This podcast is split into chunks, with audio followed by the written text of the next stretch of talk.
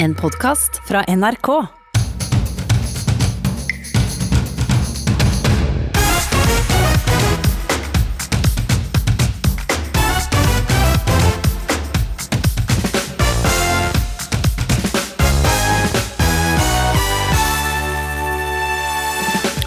Om åtte timer braker det løs. Finalen i Melodi Grand Prix. Og for noen så er det glitter og stas som gjelder i kveld. Leter etter paljetter på nett og i butikker lokalt og alle plasser, for vi må ha masse paljetter denne helga på oss. Vi har også mer å by på denne lørdagen, for det blir ingen toppkarakter til SAS etter ukens reklamebråk. Hilser strategisk ekspert og møter selskapet til debatt. Og antall nye biler med manuelt gir er i fritt fall. Men Geir Skau syns automatgir er for folk som ikke kan kjøre. Hvis du tar fagbrev som baker, og du bare kan bake boller, det er klart du må jo kunne gire og bruke tre pedaler. Det kan da ikke være så vanskelig, da! Og så skal vi lære å vaske hender. Slik det bør gjøres.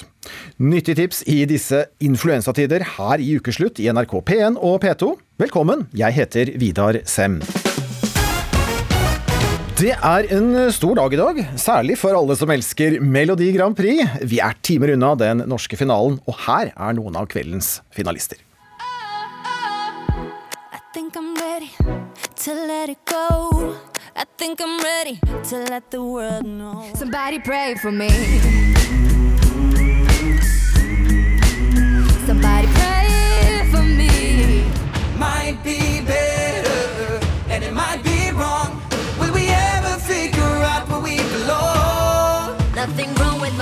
posture, just a beautiful love.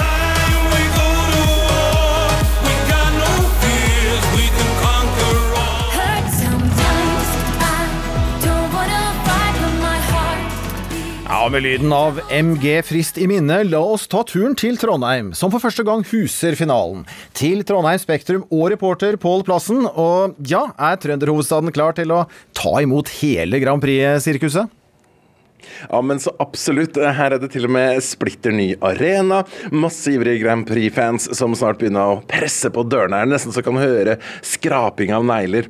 Og det i en by der folk i dag har gått og nynna på gamle slagere. Du merker at det er litt sånn la det svinge i byen. Til og med klokkene i Nidarosdomen. Jeg syns de bevega seg litt annerledes i dag. Og eh, nå rigges det til generalprøve her i Trondheim Spektrum. Ja, og så har du, Pål, eh, fått tak i en av finalistene som ja, nok har sommerfugler i maven bare timer før hun skal eh, på scenen.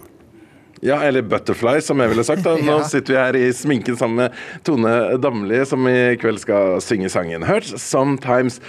Tone, hvordan har man det på morgenen når man våkner opp og skal synge en norsk Grand Prix-finale? Jeg føler jeg har hatt, eh, jeg har hatt tre oppvåkninger. altså, jeg har våkna i natt og tenkte at nei, nå er det morgen.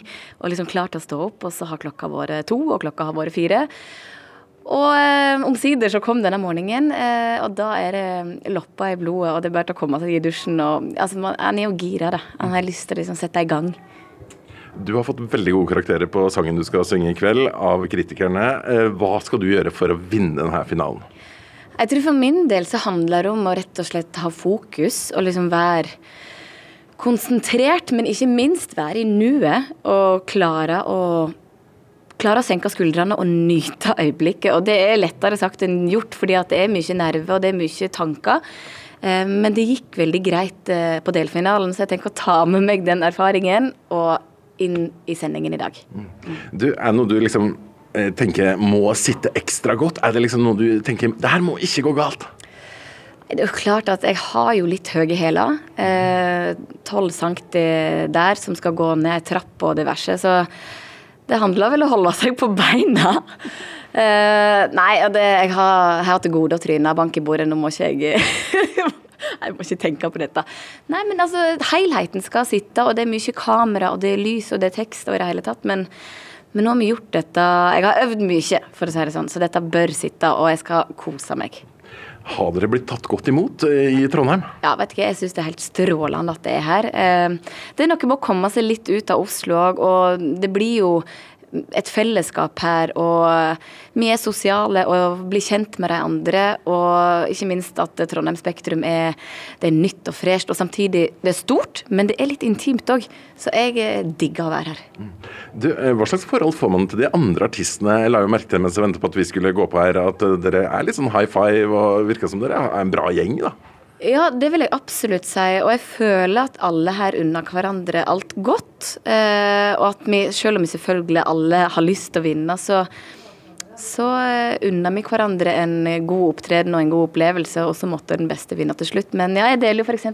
garderobe med Akovi her. og eh, har vært på middag med Solli-brødrene og i det hele tatt. Så nei, vi, vi har et veldig godt forhold.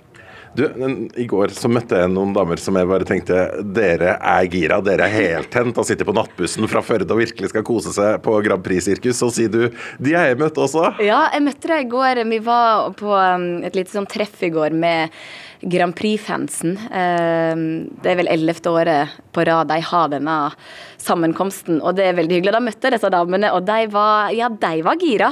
Men det er jo så gøy. Du, det, vi prater altså om Nina, Ingunn og Monica fra Førde. De har tatt turen i enseren til Trondheim for å få med seg Grand Prix-sirkuset, og jeg spurte hvordan de har forberedt seg før kvelden. Å, vi har jo sett på alle delfinalene og uh, vurdert sangene og funnet våre favoritter. ja. Leita etter paljetter på nett og i butikker lokalt og alle plasser, for vi må ha masse paljetter denne helga på oss. Ja, Fortell hva er det dere skal ha på dere på den store kvelden. Oi, da skal vi gå likt antrykket. Så vi har kjøpt oss noe rosa, litt korte jumpsuit. Mannen min mente det var Shortsa, oh, ja, egentlig. ja. Onepiece. Ja. Og eh, så har vi kjøpt oss lilla pelskåpe og Hva er favoritten i år? Ulrikke! Hun er Og Reili. Og Ulrikke! Og Ulrikke og Rally. Hva er liksom så herlig med Grand Prix? Noen vil si at kanskje det er en litt sånn gammeldags konkurranse. Å, nei, hva skal det er stemninga. Det er det at da kan du kle deg i paljetter og bra musikk, og folk er så glad og ja. Vi kan, men, ja. vi kan miste hemningene, og nå er jo vi snart 50, eller forresten, jeg er visst blitt 50, så vi er jo litt gamle. Så vi har jo hatt det med oss siden vi var fem år. Musikken er ikke gammeldags, den er helt inn i tiden. Og bare legg merke til Reili, hun er blitt streama var det en million ganger over det, så det er helt topp moderne musikk. Kos dere i kveld, da. Tusen takk! Tusen takk. Vi gleder oss. Du, Man eh, kan bare elske sånne fans. Ja, det er helt nydelig. Altså, jeg, eh, jeg tror jeg skal bli sånn sjøl, jeg, og reise land og strand og se disse finalene. Men dette er jo en stor fest, og elsker at det er sånn engasjement rundt det. Kos deg på scenen i kveld. Tusen hjertelig takk. Det er så god stemning backstage her på Grand Prix at jeg bare tror jeg blir her. Det skjønner jeg godt på plassen. Stemningen er helt tydeligvis der den eh, bør være på en MGP-dag. Eh, Takk i denne omgang. Vi hører fra deg senere i ukeslutt, for da skal vi møte to brødre som også skal på scenen i kveld, og som helt sikkert har noen sommerfugler i maven. En reklamefilm fra flyselskapet SAS har denne uken skapt rabalder. Filmens innhold har høstet en massiv mengde med kommentarer på Facebook og Twitter. Selskapet bak reklamefilmen fikk også en eh, bombetrussel. Reporter Philip Johannesborg tar det gjennom saken. What is truly Scandinavian? Denne reklamefilmen fra SAS har skapt mye oppstuss. Filmen forteller at ingenting egentlig kan sies å være skandinavisk. Absolutely nothing. Da filmen kom ut, tok det ikke lang tid før internettet kokte over av folk som var uenige. Det kom veldig mange reaksjoner på veldig kort tid. Helt unaturlig mange. SAS tok filmen ned fra nettet. Everything is copied. Så kom filmen opp igjen. Da fikk vi servert en kortere versjon. Our democracy? mennesker som sammen former framtiden. Credit goes to Greece. Dagen etter hadde det danske reklamebyrået som sto bak filmen, fått bombetrusler rettet mot seg. Vi har fått en, øh, en bombetrussel på en eiendom hernede, og den er vi i gang med å, å gjennomgå. Svenske Aftonbladet sier filmen har sirkulert på såkalte alternative nyhetssider i Sverige, før det russiske propagandaorganet Sputnik tok den ut på Twitter. SAS kaller det hele en aksjon. En organisert aksjon. In a way, Scandinavia was brought here. Geir Hågen Karlsen, du er hovedlærer i strategisk kommunikasjon ved Forsvarets høgskole. Velkommen. Takk skal du ha.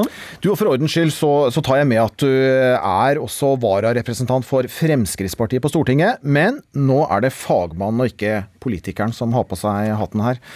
Eh, Du er ikke særlig begeistret eh, verken for SAS sin reklamefilm eller hvordan selskapet har taklet mediehåndteringen av reaksjonene på, denne reklamen. Hva er det du reagerer på? Ja, Nå plager ikke den filmen meg nevneverdig, men eh, personlig, men den har jo provosert veldig mange. Eh, første del av filmen hvor man sier ingenting er skandinavisk, er jo en provokasjon. Oppfattes i hvert fall som det av veldig mange. Eh, og de resterende drøyt to minutter av filmen hvor man går gjennom alt som vi trodde var skandinavisk, enten det er lange, lyse fletter, svenske kjøttboller eller demokrati, eh, er i realiteten en parodi på hva kultur, eh, identitet og nasjon er for noe. Og til sammen så gjorde dette at, at mange blei provosert. Og det burde egentlig ikke overraske noen i en tid hvor identitetspolitikk og kamp mot globalisme er høyt på agendaen. Det ser vi jo med brexit-valget og ikke minst i USA, men det gjelder også i Norge. Ja, det burde her- ikke være noe overraskelse. Nei, her, her burde SAS ha skjønt bedre. Uh, Og du er også da kritisk til hvordan de håndterte dette her. Ja, de, denne saken sprakk jo på tirsdag, og onsdags ettermiddag så hadde jo dere i NRK en eh, debatt om dette på Dagsnytt 18. Og Dagsnytt 18 er jo noe som folk slåss eh, stort sett for å komme med på. Og det er klart Når SAS da tross for mange oppfordringer velger å ikke møte i debatten, så, så lar det jo alle andre kritiske stemmer dominere. Så det er sånn mediefaglig så var vel ikke det noe karakter av. Jon Eckhoff, du er pressesjef i SAS. Ja, hvorfor kom dere så, så skjevt ut her, både med reklamen, men også med håndteringen av, eh, ja, skal vi kalle det krisesituasjonen for dere?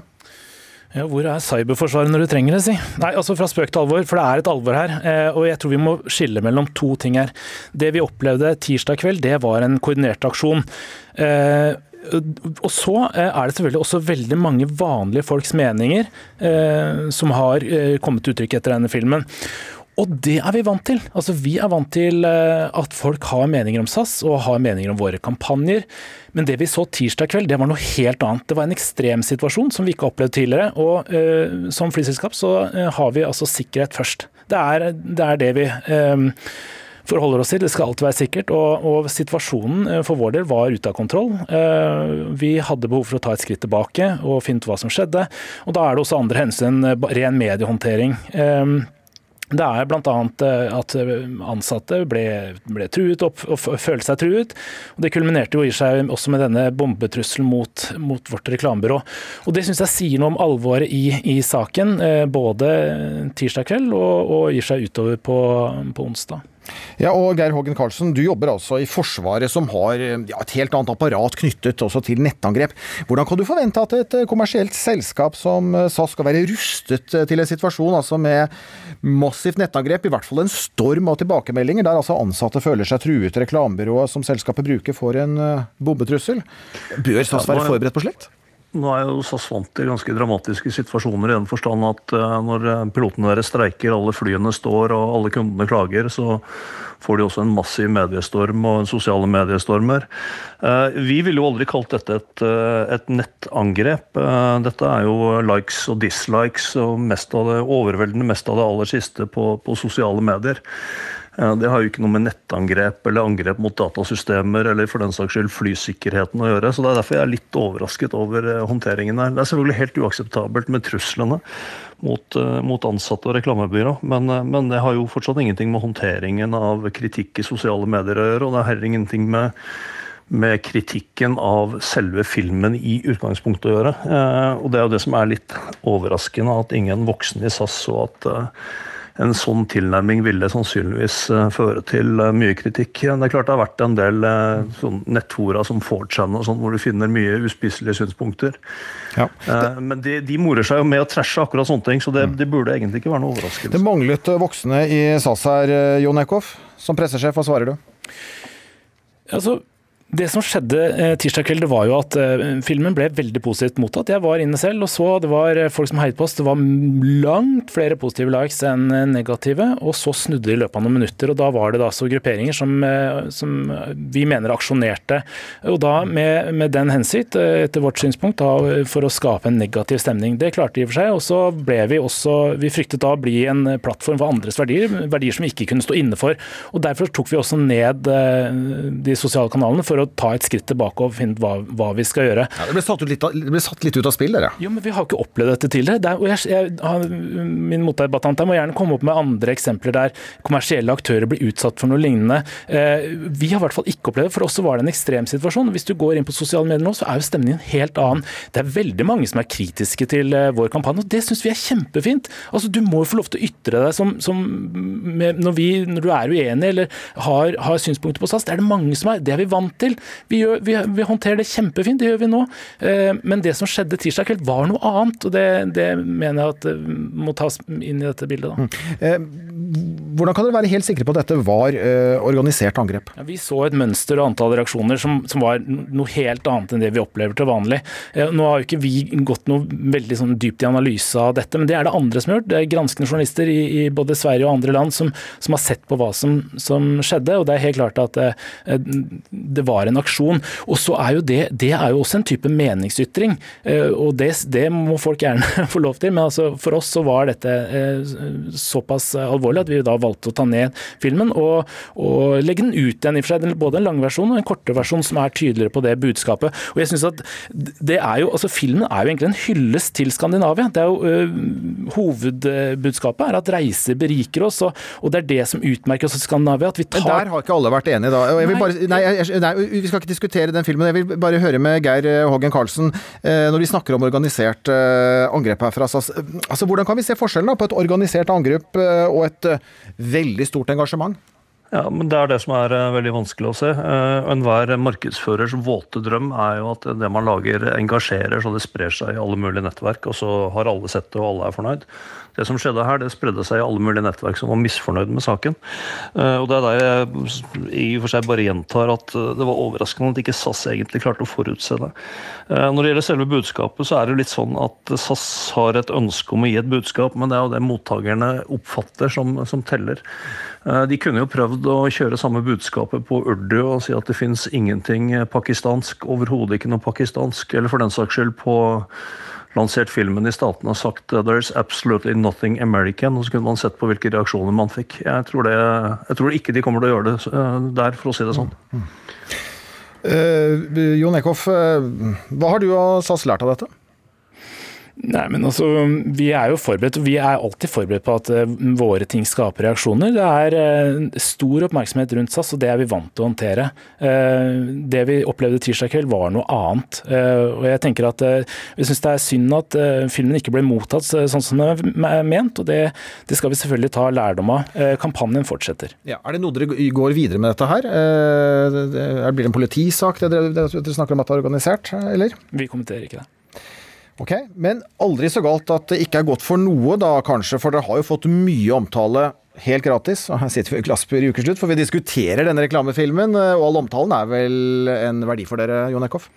Jo, det er klart, men jeg skulle jo ønske at den ble mottatt slik den var ment, nemlig som jeg var inne på, at eh, ideer reiser over grenser, og vi tar det med oss hjem og gjør det noe unikt skandinavisk. Vi er et skandinavisk flyselskap, og så, så forstår jeg at eh, den åpningssetningen med at absolutely nothing, det kan provosere, og det syns jeg er beklagelig. Får vi se da Walter Abaldre og omtalen har, har ført til eh, når det gjelder, eh, når det gjelder dere og, og, og passasjerer og så videre, og omdømme.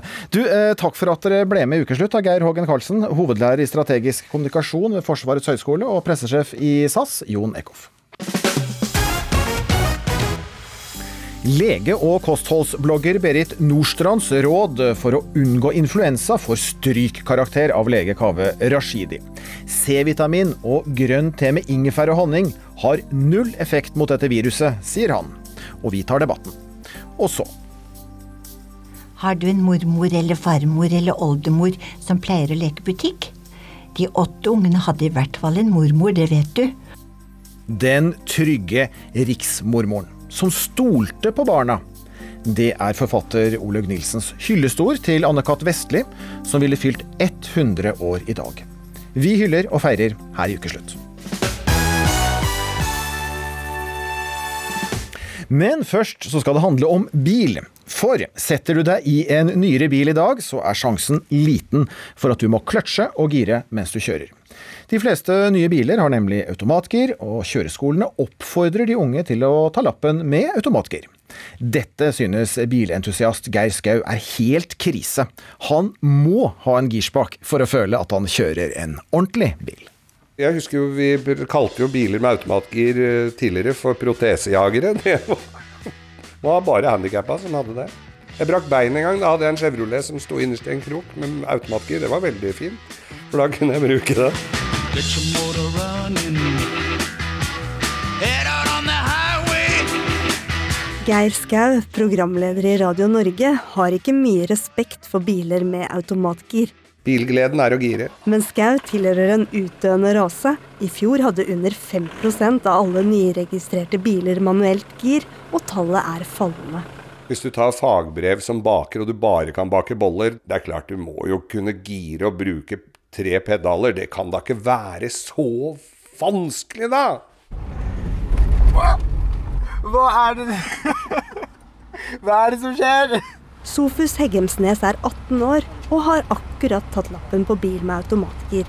Det er skikkelig rart å gjøre noe med venstrefoten. Nå prøvekjører han en bil han ikke har lov til å kjøre aleine, nemlig en med kløtsj og gir. Plutselig så starta motoren å riste og Og grunnen til det er jo at du bomgira. Bomgira? Ja, du satt den i, skjede, i femte gir istedenfor i gir. tredje gir. Oh, ja. Ja. Eh, Det, det er fortsatt mange elever som tar med manuelt gira bil, ja, og det opplever jeg veldig ofte er pga. press fra foreldrene. Daglig leder på Alna trafikkskole i Oslo, Bjørn Theo Rasmussen, oppfordrer alle elever til å kun ta lappen på automatgira bil. Han mener giring forstyrrer oppmerksomheten til føreren. Men kjørelæreren møter altså motbør fra en del foreldre. Eh, Godt voksne som sier at ja, men du må jo lære deg å dra i denne stikka, så du har alle muligheter åpne. Men snart så selger vi jo ikke biler med manuelt gira bil, og eh, de fleste klarer seg veldig fint med det. Og det koster veldig lite å friske seg opp i forhold til å ta noen timer, og så ta manuelt gira bil, hvis man har behov for det.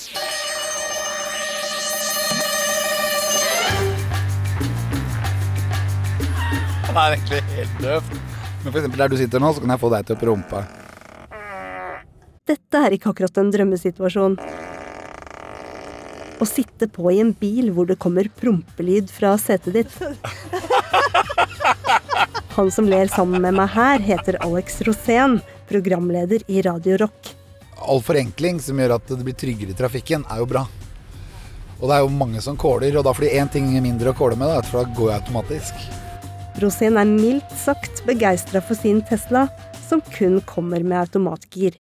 Mitt verste minne med manuelt gir er jo de gangene det har jamma seg helt og alt har gått i stykker. Og du står midt på veien, og det ryker, og det lukter diesel, og Og Jeg hadde jo ikke barn på den tiden, men de, de burde sitte inne i bilen og gråte. og alt er krise. Men jeg husker jo bestefar, da. Når vi kjørte rundt med hans gamle Saab, så var det jo veldig spennende. Det var jo alltid noe som skjedde. Øyeblikk, de øyeblikkene der blir jo borte, da. De, de at alt går, alt går til helvete, liksom. Det blir borte. Da tar hun i første gir igjen, og så skal vi kjøre videre rett fram her.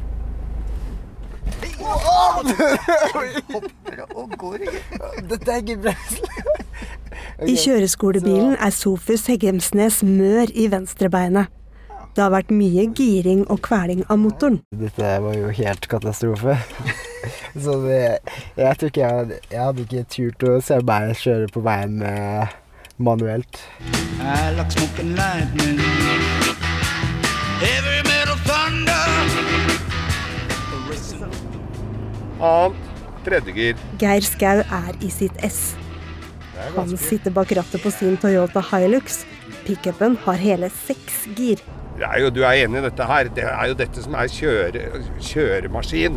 Sitter jo høyt og trygt og veit du at her Her eh, kan ingen Her kan ingen true deg. Men altså, du blir ikke distrahert, da? Av alle knappene. Ja, alle knappene. Og, og at du liksom trykker inn den knappen, og så skal du gire litt ned her nå når vi Ja, ja, svinger. ja, ja. Og... Det blir ikke for mye for deg. Nei, dette her sitter i fingra, altså. Dette her er som å lære å sykle. Dette blir jo Det klarer du. Framtida blir eh, Jeg regner med at vi kommer til å se et klasseskille. Det er de som kan kjøre bil, og de som må kjøre bil. Og de som kan, de Kjører manuelt. Ja, reporteren som traff eh, den manuelle girentusiasten Geir Skau og automatgirfan Alex Rosén, det var Kari Li. Kanskje ligger du akkurat nå i sengen og svetter med feber og verk i hele kroppen. I så fall er du en av eh, ganske mange nordmenn som er blitt smittet av influensa. For det er influensasesong, og rundt 10% av oss blir smittet av viruset hvert år. Det finnes mange gode råd for hvordan du kan unngå å bli syk, eh, men det finnes også råd som ikke er like velkomne. I Dagbladet kunne vi denne uken lese at eh, lege Kaveh Rashidi reagerer på lege- og kostholdsblogger Berit Nordstrand sine råd. Og her får du rådene raskt oppsummert. Tips 1. Ta tilskudd av vitamin D og et feit fisk som sild, ansjos, makrell og laks. Tips nummer 2. Ta tilskudd av C-vitamin. Tips 3. Lag grønn te med reveingefær, ingefær, revet gurkemeie og en teskje rå lynghonning. Tips 4.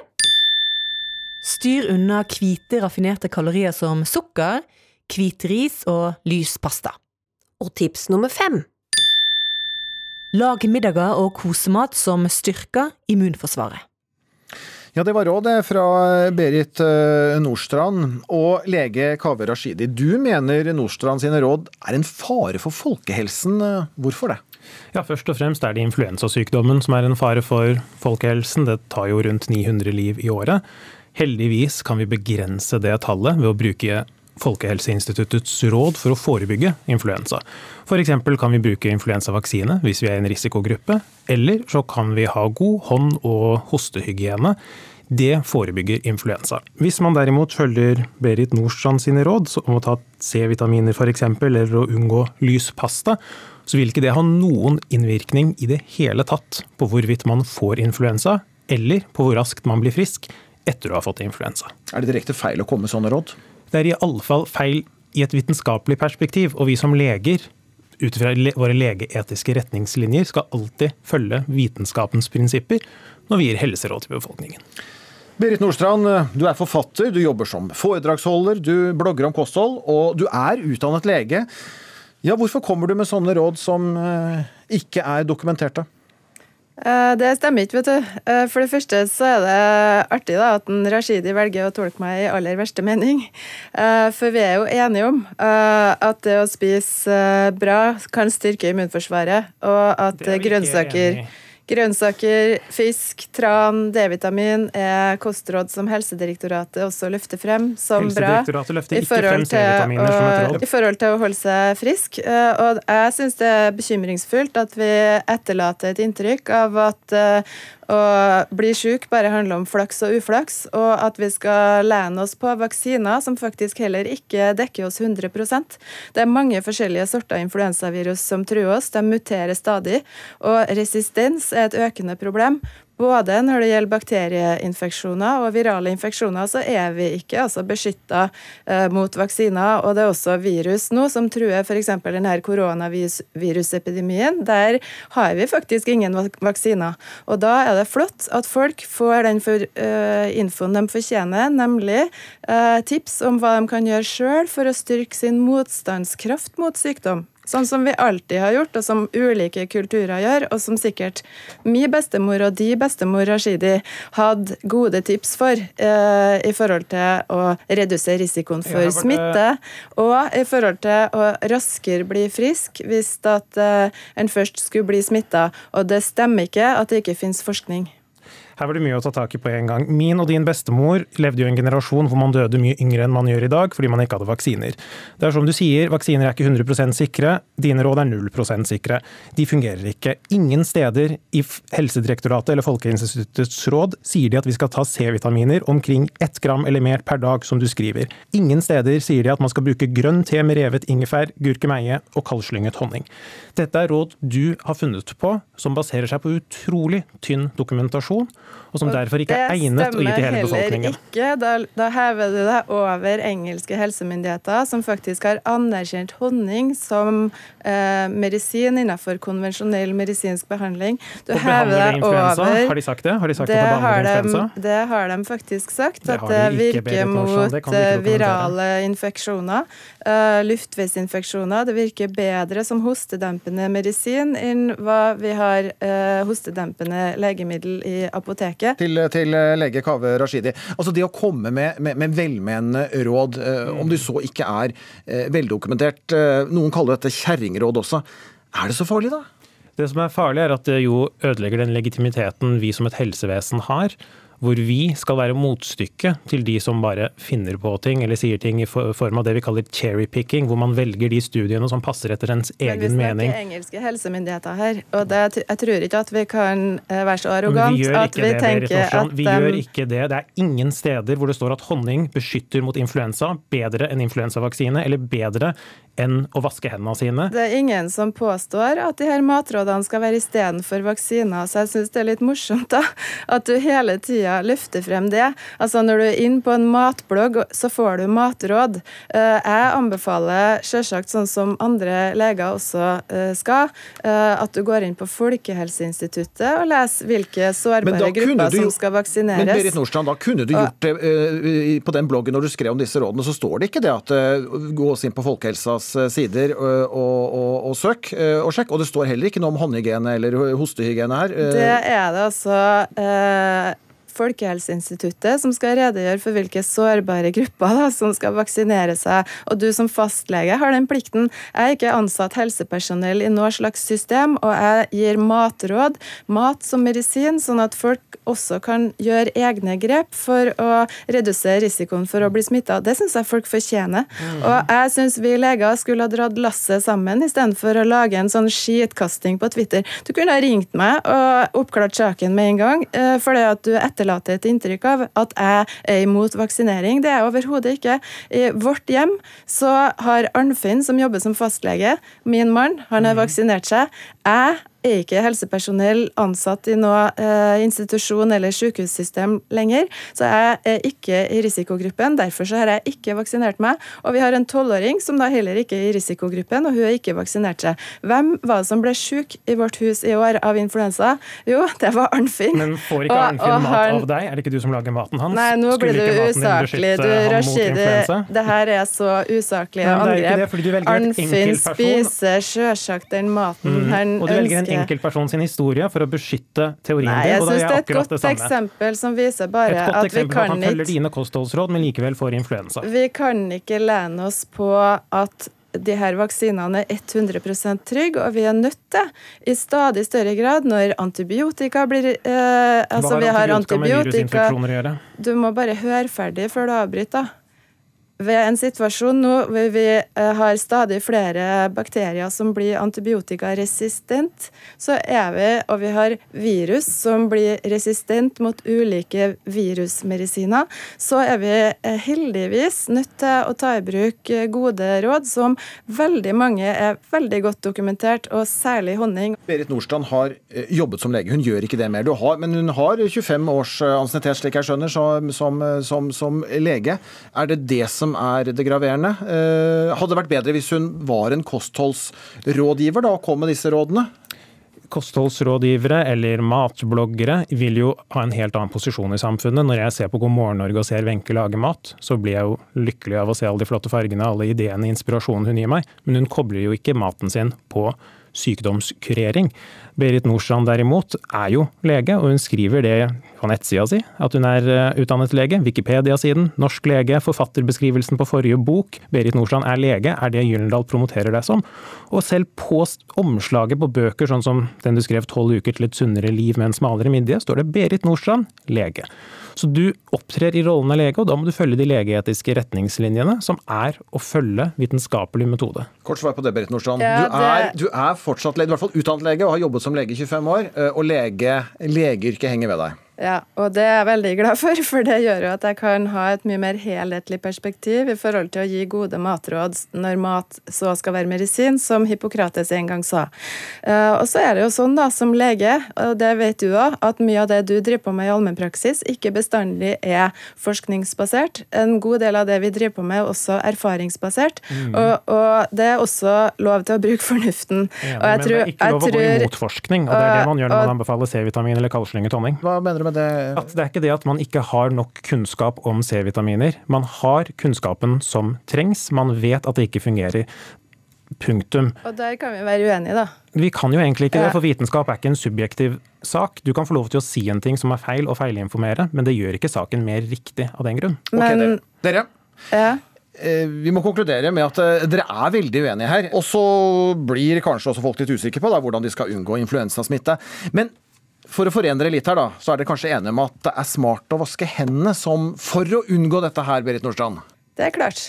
Det eh, hører vi på. Godt variert kosthold er kjempeviktig for helsa på et generelt grunnlag, og håndvask er kjempeviktig det også. Håndvask er kjempeviktig. Takk for at dere kom til ukeslutt, lege Kaveh Rashidi og Berit Nordstrand, kostholdsblogger blant annet, og så er du utdannet lege. Eh, Og apropos det der å vaske hender. Godt nok. Det gjør du nok ganske sikkert feil, kjære lytter. Og her skal du straks få den beste oppskriften på å vaske hendene riktig for å unngå smitte. Riktig håndvask er en svært enkel og effektiv måte å forhindre eller redusere smitte av f.eks. influensavirus. Så dersom du gir reporter Sara Victoria Rygg 3 minutter og 50 sekunder av din tid, skal hun, med god hjelp av en ekspert, prøve å gjøre deg til en ekte håndvasker.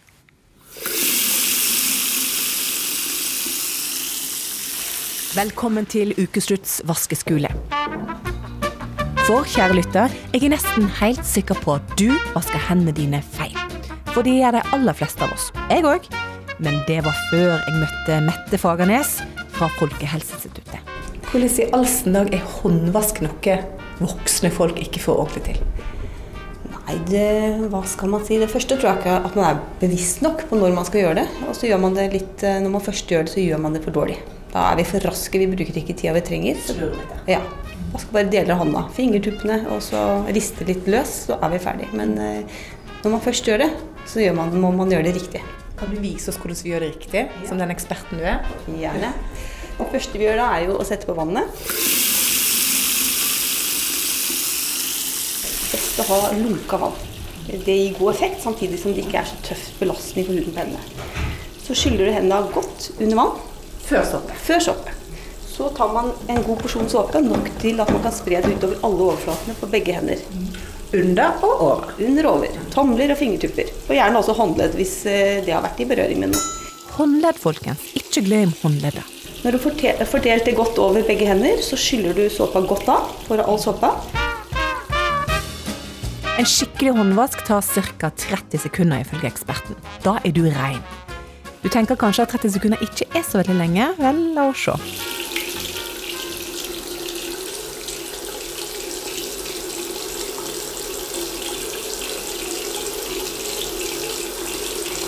Du begynner å bli litt utålmodig nå, ja? Ja, det var bare 10 sekunder. Du skal holde på i 20 sekunder til. Så bruk god tid, og ikke stress når du vasker hendene. Ta det som en pause i hverdagen. Så lar du vannet stå på mens du tar engangspapir. Særlig hvis du da er uten, på offentlige steder. Og så tørker du hendene godt med det. Gjerne klapptørker, sånn at du ikke belaster huden så mye. Når du har tørket hendene godt, så bruker du papiret til å slå av vannet. Og her går det ofte gale for folk flest. For du tar vel ikke på krana med de rene hendene dine, vel? Det vet vi jo at eh, kraner, særlig da på offentlige steder, er forurensa. Det er mange som har tatt det med urene hender, så det er viktig at vi ikke gjør, tar de rene hendene rett opp på krana en gang til. For da er det bare å begynne på nytt igjen? Da skal man gjerne begynne på nytt. Da blir du stående der.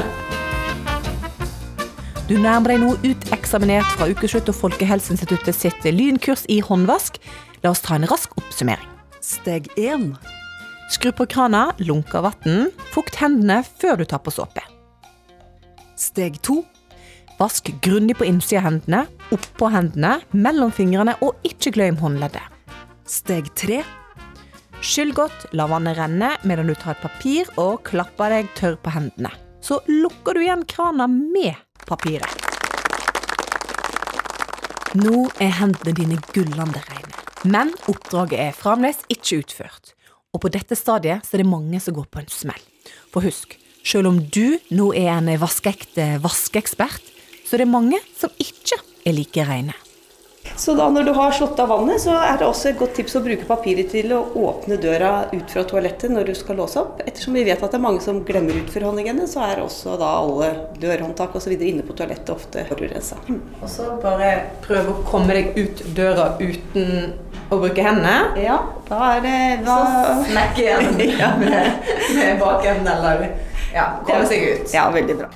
Det nærmer seg. Nerver i helspenn og sikkert mange skjerpede mennesker rundt deg nå, reporter Pål Plassen, på plass i Trondheim Spektrum før den store finalekvelden i Melodi Grand Prix.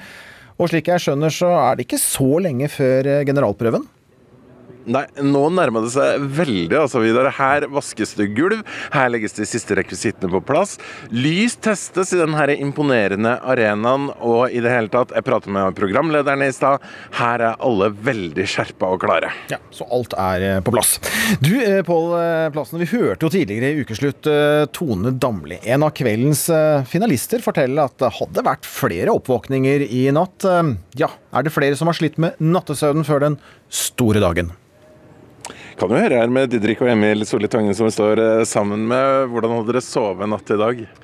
Du, faktisk, jeg har sovet bedre i natt enn jeg har gjort eh, siden helt siden onsdag. Og det hadde jeg ikke trodd, men det var eh, fantastisk. Våkne opp om morgenen, og så tenkte jeg ah, så rolig jeg var nå, og så skjønte jeg at det var finale, og da ble jeg litt nervøs igjen. Så det går opp og ned. glemt litt, rett og slett? Ja, rett og slett. Altså. Nei, det var, jeg hadde faktisk en god natts søvn, jeg også. Eh, var verre i går. Eh, tenkte mer i går, men vi hadde en veldig fin prøve. Eh, gjennomgangsprøve i går kveld.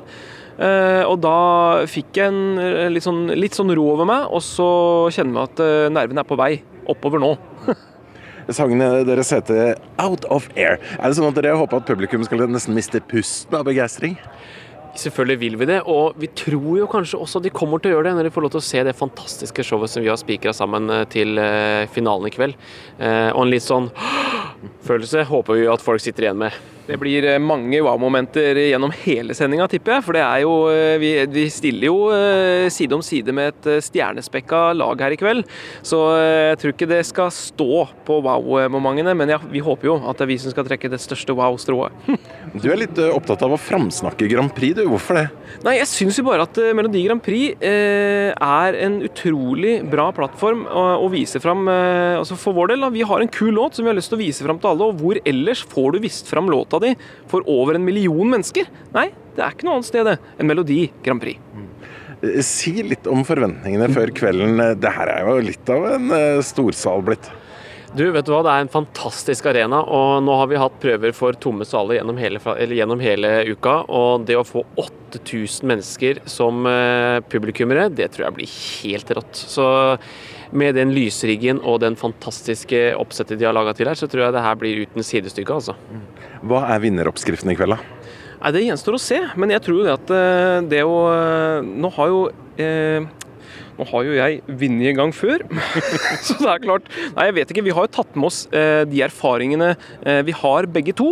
Eh, så det å, å gjette på om den, eh, hva skal jeg si, den kaka her blir eh, den beste kaka, og den beste eh, Hva skal jeg si eh, Det som folk liker best, det gjenstår å se.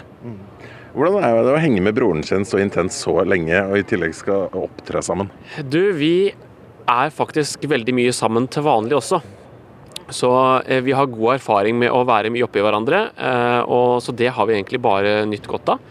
Det er, eh, vi gjør en del sammen, og da mm, er det sånn at dette her har vi gleda oss veldig til. Eh, og få lov til å stå på Melodi Grand Prix-scenen sammen. Eh, det er klart Vi gjør en del ting utenom også, men dette her blir veldig stort. Ja, Det var et veldig politisk korrekt svar. Eh, La oss få litt til sannheten. Når, når blir det gnisninger? Nei, det er klart, vi, vi har jo ikke alltid vært like gode venner. Det, er- det må vi være ærlige å si. Eh, og det har jo vært perioder hvor jeg, kanskje spesielt når Emil skal opp om morgenen og han ikke kommer til tida som vi har avtalt, at jeg kan bli forbanna på han. Det er ikke noe tvil om det. Men, men nå er vi sammen eh, 24 timer i døgnet, så han har ikke så mange andre sjanser til å stikke av. Så det er, det er, jeg har på en måte ikke latt noe stå til, til, til, tilfeldig. Hva er du peker på meg for? Nei, jeg sier bare jeg ble født for tidlig. Eh, to uker, så jeg har litt å ta igjen på den Ja, tida, og det er det jeg driver med Da. Akkurat, akkurat. Ja, Ok, eh, Oppvarmingsøvelsene, er dere i gang med de? Er de samstemte? Kan vi få en samstemt tone, f.eks.? vi har altså oppvarmingsrunden La la la la la la la la la la la Ja, vi tar mange runder, og vi, vi må varme opp. Altså Som sangere så er jo vi veldig opptatt av å holde instrumentet ved like. Og vi du er, er mest opptatt av å ta armbøyninger, du. Jeg tar armbøyninger og varme opp stemmen. Vi er toppidrettsutøvere innenfor vårt felt, så det er klart vi må varme opp.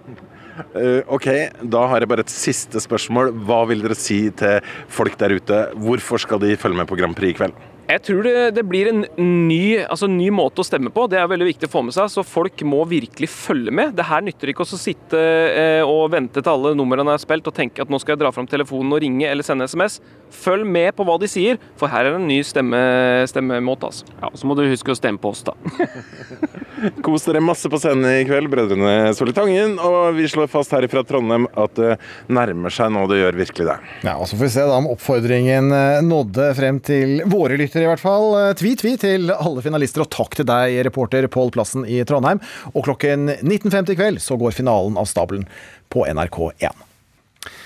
I dag ville Anne Katt Vestli fylt 100 år. Den folkekjære forfatteren er kjent for sine barnebøker som Knerten, Mormor og de åtte ungene, Ole Alexander, Filly Bom Bom Bom, ja, og mange flere.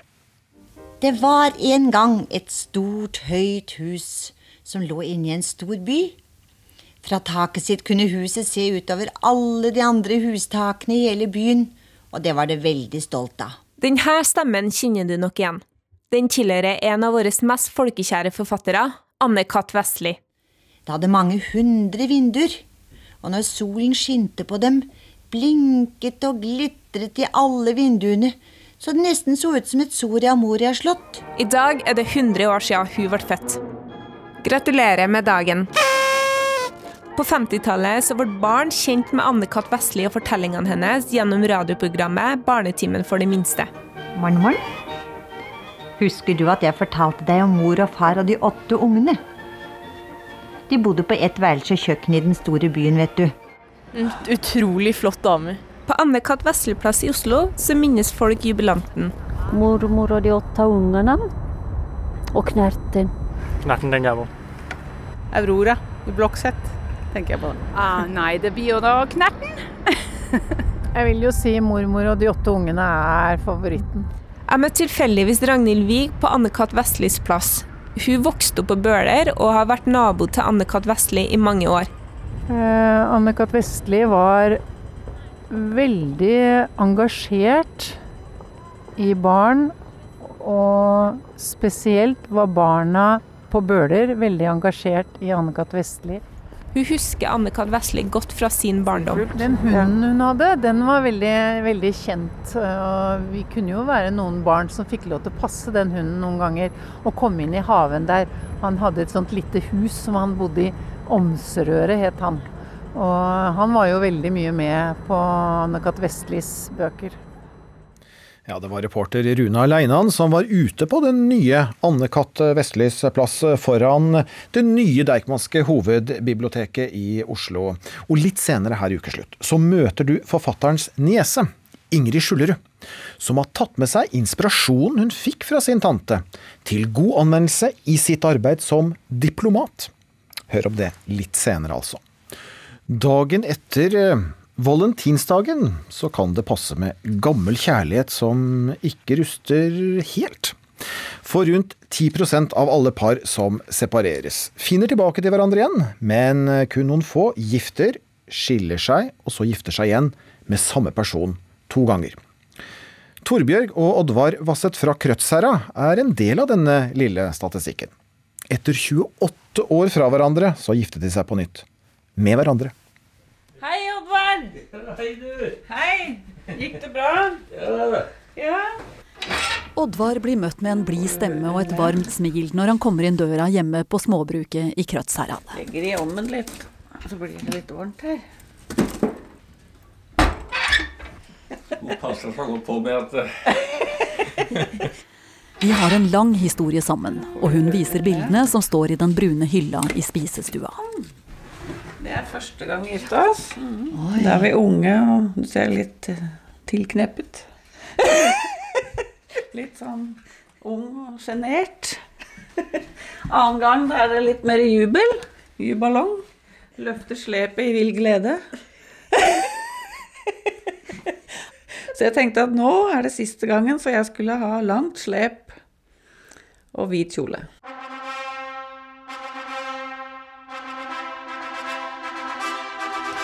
Torbjørg var prestedatteren, og Oddvar var småbrukerens sønn i Krødsherad. Og til tonen av Mendelssohn gikk de opp kirkegulvet i 1981, og hun flyttet inn på gården.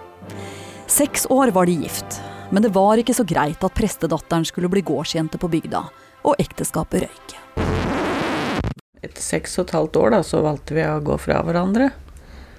Prøvde å leve videre, så jeg starta på nytt i Hønefoss og møtte en ny mann etter hvert. Og da var jeg jo aleine i åtte år.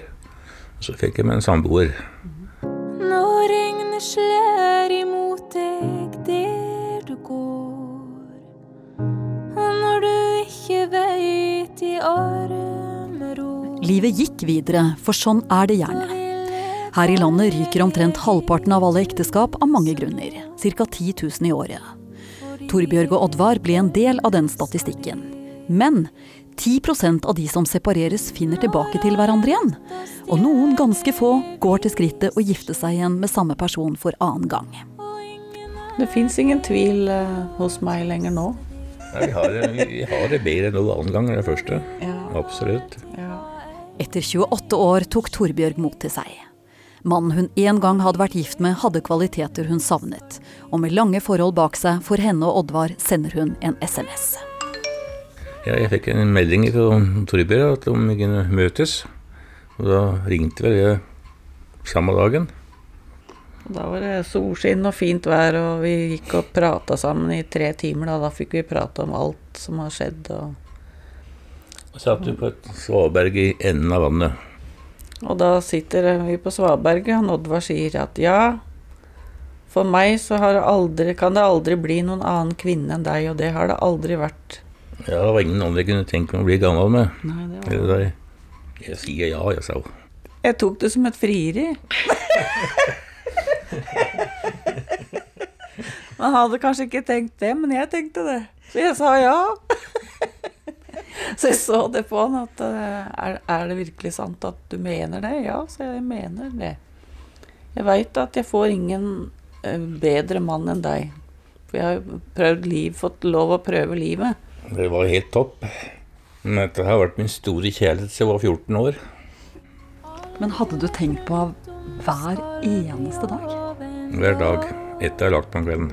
fordi jeg elsker deg. 16. juli i 2016 ringer igjen kirkeklokkene over den lille bygda. I den hvite korskirken fra 1859 står 65 år gamle Oddvar og venter spent på bruden sin. Opp kirkegulvet til tonen av Mendelssohn kommer hun, med langt slep, et stort smil og gullbånd i håret. Og hele bygda følger med. Det var faktisk enda sterkere første gangen. Nei, så da endelig så fikk jeg jo tilbake igjen.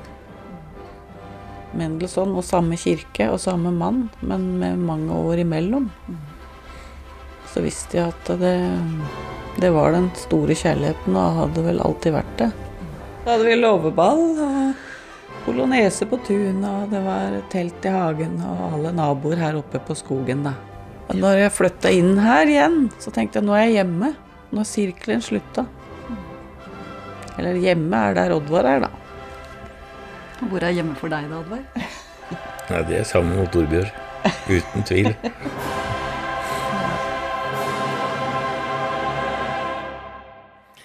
Det var reporter Caroline Bekkelund Hauge det som hadde møtt Torbjørg og Oddvar Vasset. Og Frode Tuen, psykolog og samlivsekspert. Ja, Hva forteller historien til Torbjørg og Oddvar deg? Først og fremst er det jo en veldig rørende historie. Så, men, men det forteller jo også noe om, om at et ekteskap det, altså Man har av og til ekteskap versjon nummer to, og, og, og, og da går det jo mange ganger bedre, altså. Når man får litt tid på seg til å prøve ut andre ting også. Og her var det en mann som altså hadde tenkt på sin fraskilte kone hver kveld etter at han la seg i 28 år. Ja, det er jo ikke så ofte man hører om de historiene, da, men det er jo som det ble sagt innledningsvis her, det er ganske mange som, som har et opphold i, i, i forhold og gjerne er separert, og, og finner ut at, at eh, det er kanskje vel verdt å prøve igjen. og Hvis man først gjør det, så, så går det gjerne bedre enn det gjorde første gangen. Du er jo samlivsterapeut og har eh, ektepar som har det vanskelig, som kommer til deg. og Du har jo da som hovedoppgave å og få det til å, å møtes på en god måte og holde sammen. Men er det også noen ganger du tenker at eh, ja, separer dere? Og kanskje også skill dere, eh, og se at gresset ikke er så mye grønnere på den andre siden, og kom heller sammen igjen.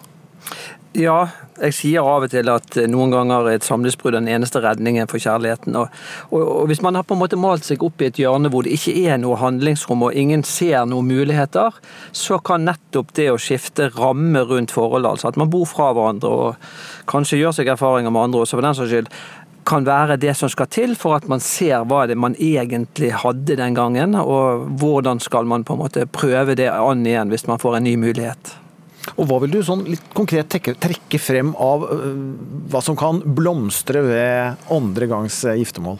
Det, det, er jo denne dype kjærligheten, den dype tilknytningen som kanskje var der i utgangspunktet, men så, så kom verden og livet og, og, og, gjorde ting vanskelig. Og så, hvis man da har fått en runde hvor man har sett på alternativer og, og skjønt hvor mye den andre faktisk betydde for en, så er det kanskje lettere å verdsette det man har, og vise at man bryr seg, og vise at man ønsker å være i det forholdet. Er det noen fallgrube ved å gifte seg for andre gang?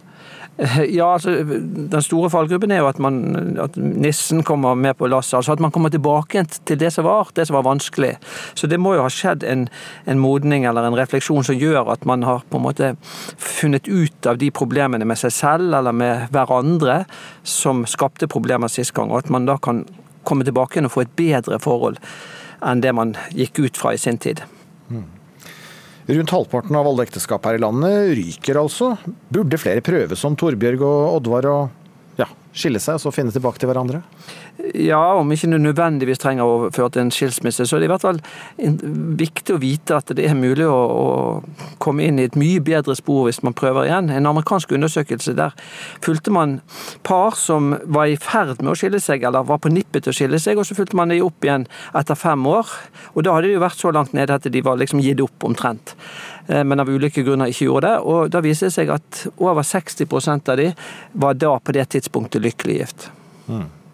Men å være skilt i 28 år, og så uh, komme sammen igjen, ja, uh, er litt av en bragd. Ja, absolutt. absolutt. Og det viser jo noe om også dybden og styrken i den kjærligheten som var der i utgangspunktet. Takk for at du ble med i Ukeslutt, psykolog og samlivsekspert eh, Frode Thun. Arild har ikke vært borte fra jobb på 52 år. Selv ikke da barna ble født. Nå rakk han jo ikke andre fødselen, da, så han kom når alt var over. Og da var han der en times tid. Satt med jakka på. Sånn at han bare begynte å kikke på klokka. Er det greit jeg stikker nå, så slipper jeg å komme for seint på jobben. Og litt senere her i ukeslutt så møter du kona til arbeidsjernet. Åkken vil kjøpe mormors ekte hjemmebakte vafler. 25 øre for ei plate. Vafler til salgs. Vafler til salgs fra hjemmelaget. Morgen, morgen. Hvorfor jeg drikker av skåla?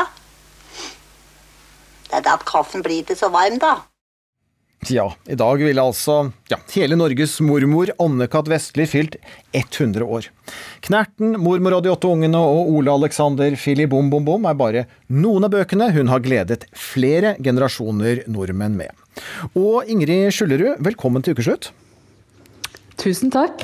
Inntil nylig, ganske nylig, så var du Norges ambassadør til Belgia. Du er gift med generalsekretær i Nato, Jens Stoltenberg. Og så er du niesen til Anne-Kat. Vestli, som altså ble født Anna Katarina Skjullerud.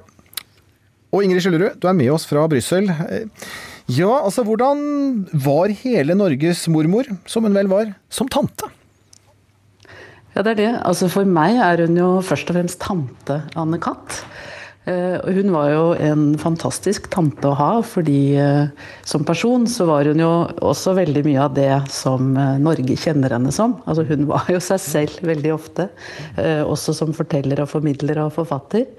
Men for meg så var hun jo først og fremst en tante som Hun var en utømmelig kilde til å fortelle om historien. Altså Hun vokste opp sammen med min far, de var veldig tette og veldig glad i hverandre. Og det var hun som kunne fortelle. Eh, hun var en stor formidler. Så hun fortalte om deres barndom så levende at jeg liksom nesten var til stede. Eh, så for meg var hun en uendelig kilde til å forstå eh, deres barndom og bli kjent med den familien. Mm. Og så skjønner jeg det at det var en av bøkene som betydde mye for deg. Ja, mange av bøkene har betydd mye for meg. Men eh, du tenker sikkert på at eh, jeg knyttet meg veldig til Aurora-bøkene. De kom omtrent samtidig som jeg begynte å lese, og det, det, det falt jo inn bøker fra en Katt omtrent hvert år i vår familie, så de er jo en veldig del av min barndom. Men Aurora var nok den personen eh, i hennes galleri som jeg knyttet meg mest til. Og også fordi at hun har et veldig nært forhold til sin pappa. Det hadde, det hadde også jeg. Og denne pappaen til Aurora minner jo veldig mye om min far mens Skyllerud. Den, den, store kulturprofilen. Men eh, det var jo slik med, med, pappaen til Aurora at han var hjemme. Eh, og det var noe som ikke fedre var på den tiden. Dette var jo bøker som kom ut på slutten av 60-tallet og, og, begynnelsen av 70-tallet. Og eh, dette med at hun skrev pappa som hjemmepappa, det skapte også reaksjoner. Her skal vi høre kort Anne-Kat. Vestli selv fortelle om eh, dette fra et intervju fra 1987. Så kom jo Aurora, da, hvor, hvor pappaen er hjemme, og det skrev jeg heldigvis før det ble vanlig. Nå tror jeg ikke jeg ville synes det var så spennende å skrive det, men den gangen så kunne jeg gjette. Og da fikk jeg jo mange rasende reaksjoner, ikke minst fra kvinner da, som syntes så inderlig synd på denne mannen. Ja, kvinnene som syntes synd på mannen, Ingrid Skjøllerud. Husker du disse reaksjonene? Jeg husker det litt fordi jeg kjenner det igjen. Altså jeg, jo, jeg, vokste opp til lyden av skrivemaskin. Det er sånn egen lyd med gammeldagse skrivemaskiner. Sånn klikk, klikk, klikk, klikk, pling. Eh, og det var min far som satt hjemme og skrev da jeg kom hjem fra parken. Det var ikke barnehage den gangen, det var en park. Eh, så vi kom tidlig hjem. Og det, for meg var det helt naturlig og veldig fint å ha en pappa som var hjemme, og en mor som begynte å jobbe ganske tidlig da jeg var liten. Eh, men det var ikke vanlig. Overhodet ikke på den tiden. Eh, og det var reaksjoner, det er helt riktig. Eh, og det er jo også det Anne Katt opplevde da hun skrev om det. En familie litt, litt forut for sin tid. Men du Ingrid Skjullerud, du har også nevnt for meg at inspirasjon var også noe Anne Katt Vesle ga deg. Du har jo ikke gått den veien, for du har jobbet som diplomat du, i veldig mange år. På hvilken måte har du tatt ta dette inn i diplomatiet? Eh, jeg vil si at Anne Katt var jo uh, først og fremst uh, veldig frihetssøkende og antiautoritær, altså radikal i sin måte å være antiautoritær på. Og derfor også med veldig respekt for små barn. og sant, Introduserte veldig tidlig disse små menneskene som selvstendige vesener, og, og skrev om det. Og det inspirerte jo sant, denne Jeg tror jeg er inspirert av dette både det antiautoritære og det kreative. Eh, og du skulle bare visst hvor viktig det er, også i diplomatiet. Så det bruker jeg. Nettopp. Bak kulissene. Eh, du, ja, dere er jo to som, som er du i diplomatiet. Jens Stoltenberg, mange år i politikken, er nå generalsekretær i, i Nato. Hva slags forhold eh, har, har han til Anne-Kat. Vestli?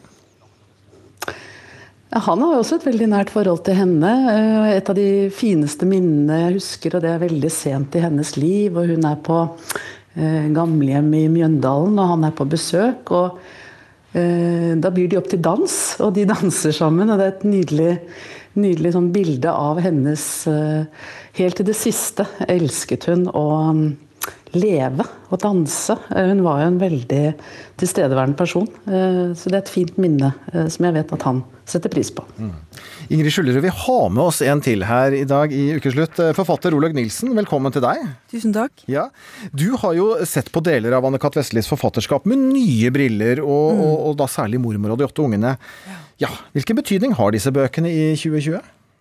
Ja, altså, eh, Det er jo mange som eh, mener at Anne-Kat. Vestli sine bøker er litt daterte. Eh, men min erfaring når mine unger begynte å høre på 'Mormor og de åtte ungene' på lydbok, det er jo at det var virka like sterkt på dem som det gjorde på meg når jeg var barn og hørte på det samme.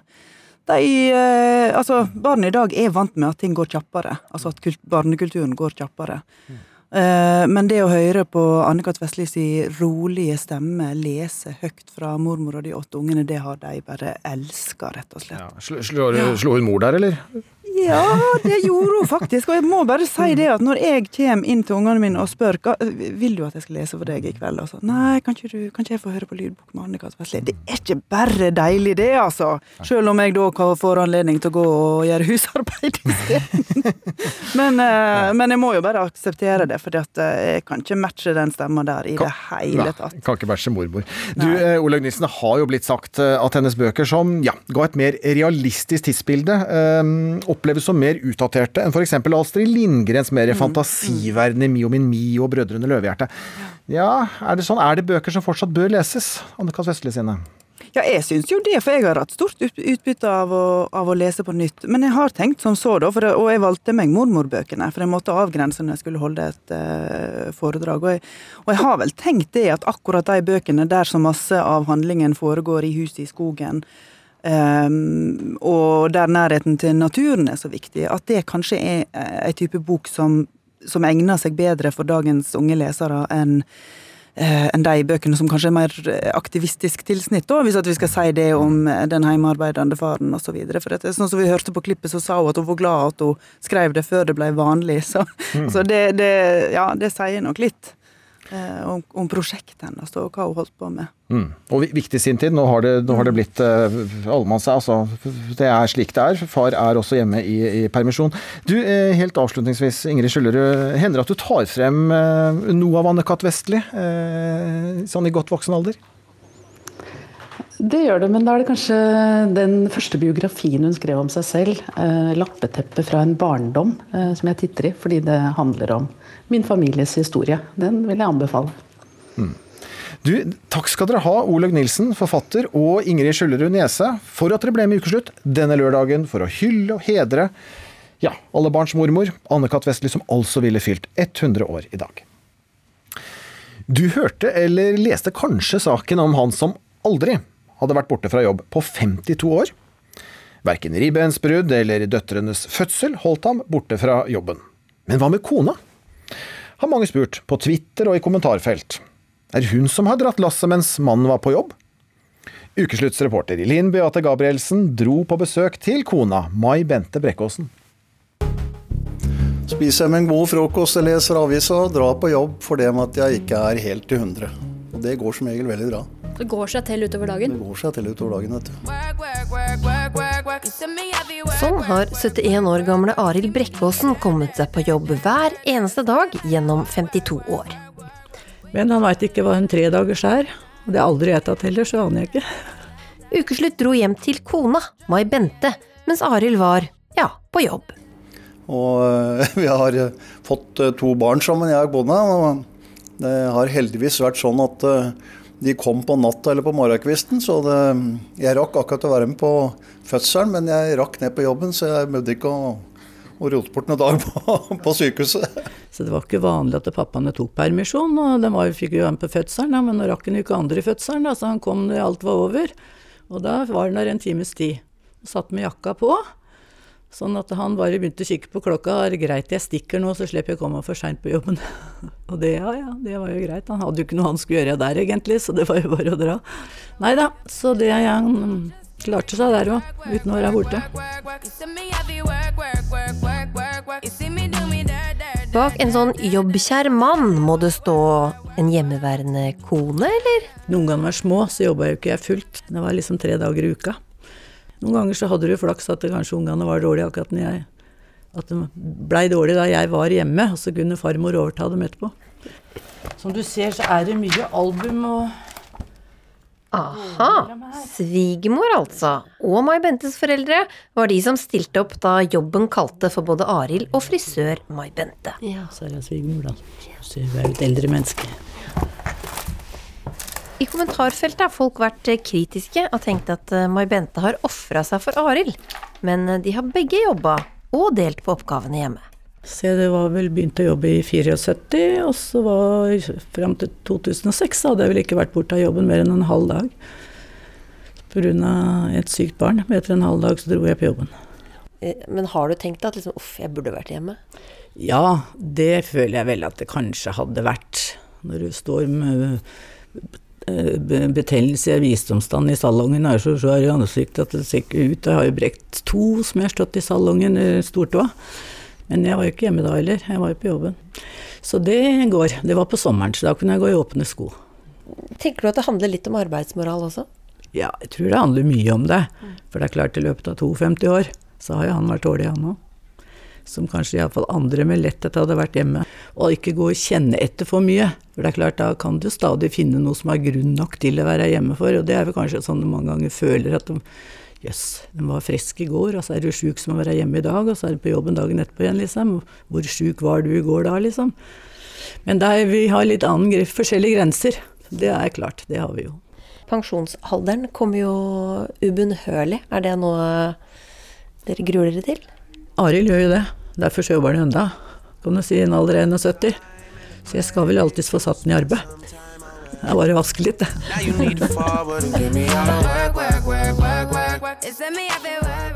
Ja, Vasking det trengs alltid. Her hørte vi altså kona Mai Bente Brekkåsen til mannen som altså ikke har vært borte fra jobb på 52 år. Ansvarlig for sendingen det har vært Filip Johannesborg, teknisk ansvarlig Eli Kyrkjebø, og jeg heter Vidar Sem. Husk å høre oss på podkast, da, og ha en riktig god helg.